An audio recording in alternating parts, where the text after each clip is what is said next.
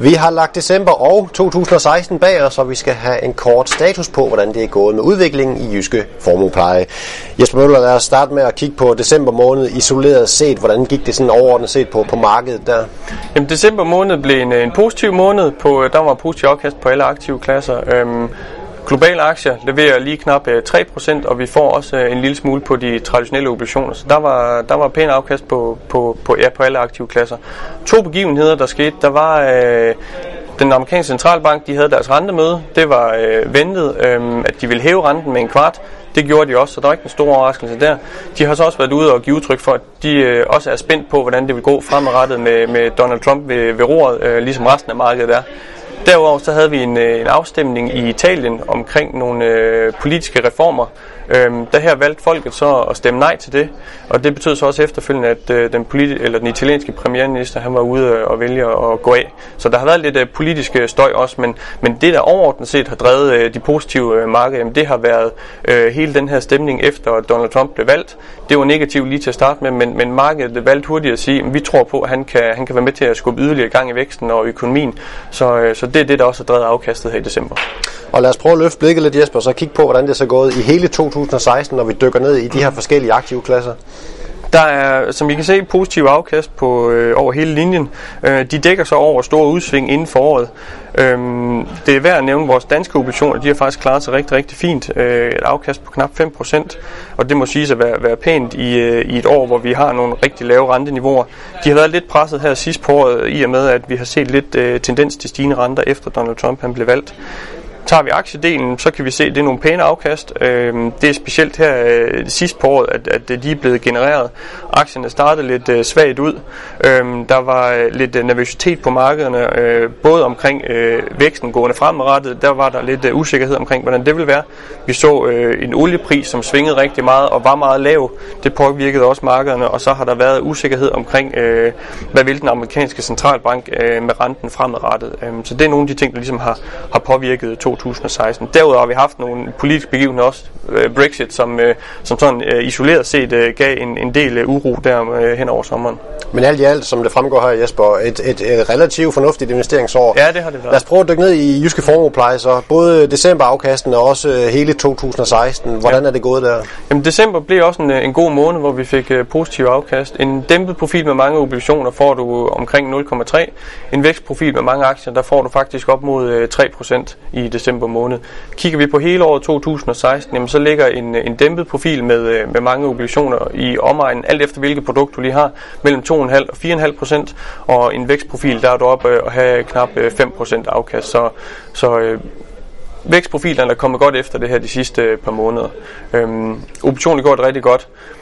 Grunden til, at vi ikke får mere på en vækstprofil, der er en af hovedårsagerne, er i hvert fald, at, at Jysk Invest, de fonde, vi har derfra, at de havde det en, en svær start på året. Deres investeringsproces øh, fungerede ikke helt optimalt. Det fik de rettet op på, og de kom også efter det. De har bare ikke formået at indhente øh, det, det helt det tabte. Og Jesper, så ved jeg, at I også her i slutningen af året øh, sidste år lavede nogle justeringer i porteføljerne. Prøv at, prøv at sætte et ord på det. Jamen det er rigtigt. Vi har øh, lavet to ting her i løbet af december måned. Den første er, at vi har solgt vores øh, japanske aktier, som vi købte i november måned.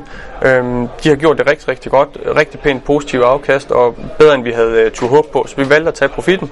Pengene har vi så sat i, øh, i globale aktier og i, øhm, og i, i en bred vifte af guldmine-aktier. Øhm, guldprisen er faldet her i, i andet halvår 2016. Det har også påvirket de her guldmine-selskaber, øhm, og vi tror, der kunne være noget at, at hente her på øh, gående fremadrettet på, øh, i den aktive klasse, så derfor har vi valgt at købe dem. Den anden ting, vi har gjort, det er i vores, øh, hvad skal man sige, alternativkasse til dem, der har alternativer i deres øh, formueplejeaftale.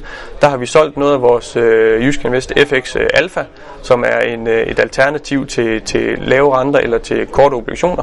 Nogle af de penge har vi valgt at sætte over i øh, et nyt struktureret produkt, der hedder JB øh, Sæsonindeks på råvarer. Øhm, underliggende er det en kurv af forskellige råvarer, og det man prøver at spille her, det er nogle af de sæsonmæssige udsving, som man historisk set øh, har set på råvarer. Det kan for eksempel være, at, øh, at man kan se, at, at de sene vintermåneder, jamen på den nordlige øh, halvkugle, der er der en, en efterspørgsel efter olie der.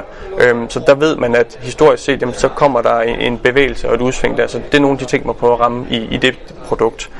Øh, en anden god ting ved det produkt er, at, at øh, det er ikke noget, der sådan følger aktier og obligationer særlig meget. Der er ikke en stor sammenhæng eller korrelation til det, så det lever sådan lidt sit, sit eget liv, og derfor så giver det en god øh, spredning til, til hele vores øh, portefølje.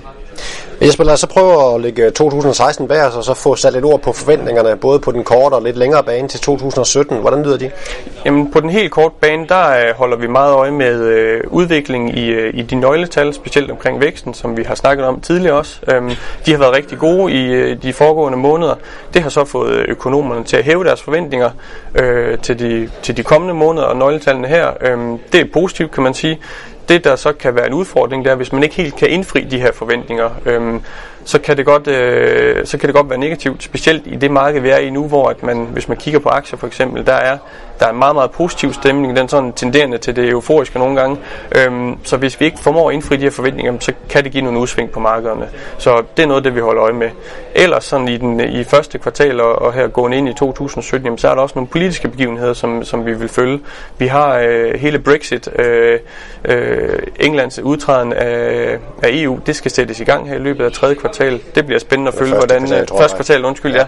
ja øhm, hvordan det kommer til at gå. Så har vi et, øh, en, et øh, valg i, øh, i Holland her i marts måned.